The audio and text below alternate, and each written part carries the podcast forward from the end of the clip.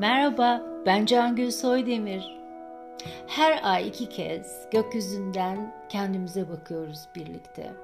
Ve beraberce derin astrolojiden kişisel ve ruhsal gelişimimiz için nasıl fayda sağlayacağımızı anlamaya çalışıyoruz. Ocak ayının ortasını geçtik bile.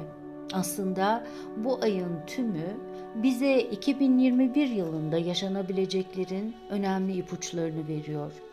Bireysel olarak da bu ay deneyimlediğimiz yani şu ana kadar deneyimlediklerimiz ve bundan sonra deneyimleyeceklerimizi not etmekte çok yarar var. Çünkü bütün sene bir bakıma bu konunun bu konuların açılımı biçiminde geçecek, sürecek.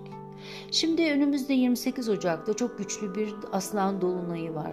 Kolektifte Aslan Burcu kralı, lideri, yöneticiyi aynı zamanda çok göz önünde olan ünlü kişileri simgeler. Bu nedenle de bu dolunay zamanında bu kişilerle ilgili ani, önemli, belki de beklenmedik olaylara tanıklık edebiliriz. Astrolojiyi takip edenler şu anda biliyordur ki çok sayıda gezegen Kova burcunda bu dönem. Bu burç Uranüs'le birlikte psikolojik düzeyde bireyleşmeyi anlatır. Eski koşullandırılmalarımızdan, inançlardan, yargılardan, inanışlardan, ön yargılardan özgürleşerek özgün bir birey olmakla ilgilidir. Güneş, Merkür, Satürn, Jüpiter hepsi kovada şu an. Ve Aslan Burcu Dolunayı gerçekleştiğinde bu dört gezegenin tam karşısında Aslan Burcu'nda Ay tek başına duruyor olacak. Aynı zamanda Boğa burcundaki Uranüs ve Mars da bu dolunaya kare açı yani sert bir açı yapacak. Peki bundan ne anlamalıyız?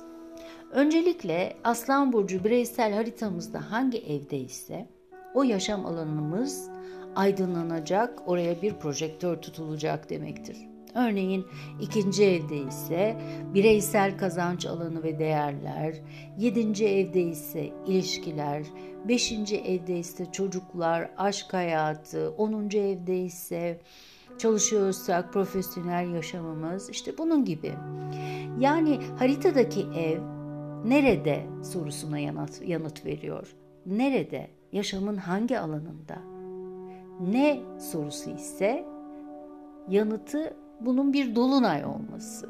Ne sorusunun yanıtı bir dolunay.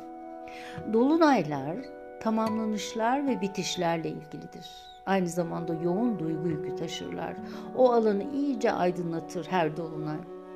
Nasıl sorusuna ise burcun özellikleri cevap verir. Yani bir aslan burcu niteliklerini içeriyor demek ki bu dolunayda gerçekleşecek olan olaylar. O zaman şöyle diyebiliriz.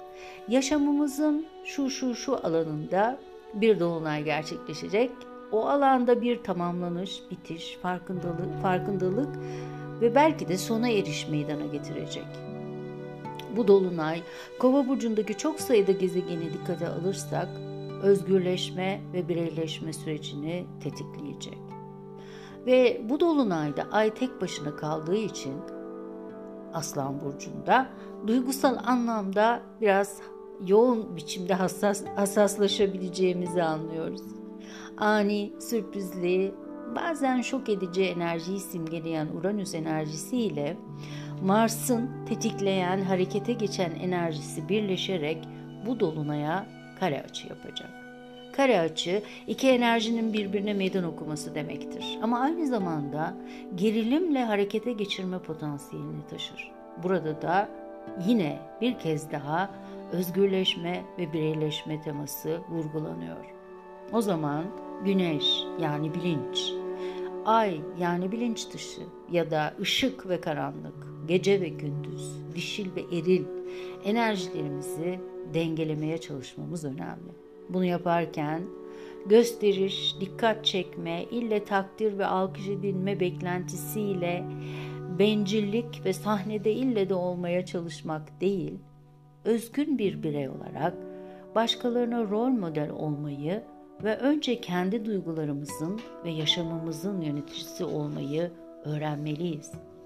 Bu şekilde kişi kendi özgünlüğü içinde olabilecektir.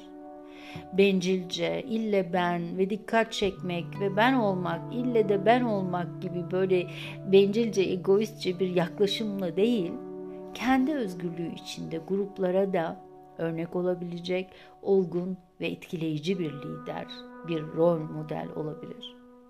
Bu dolunay etkisini Şubat ayının ortasına kadar sürdürecektir.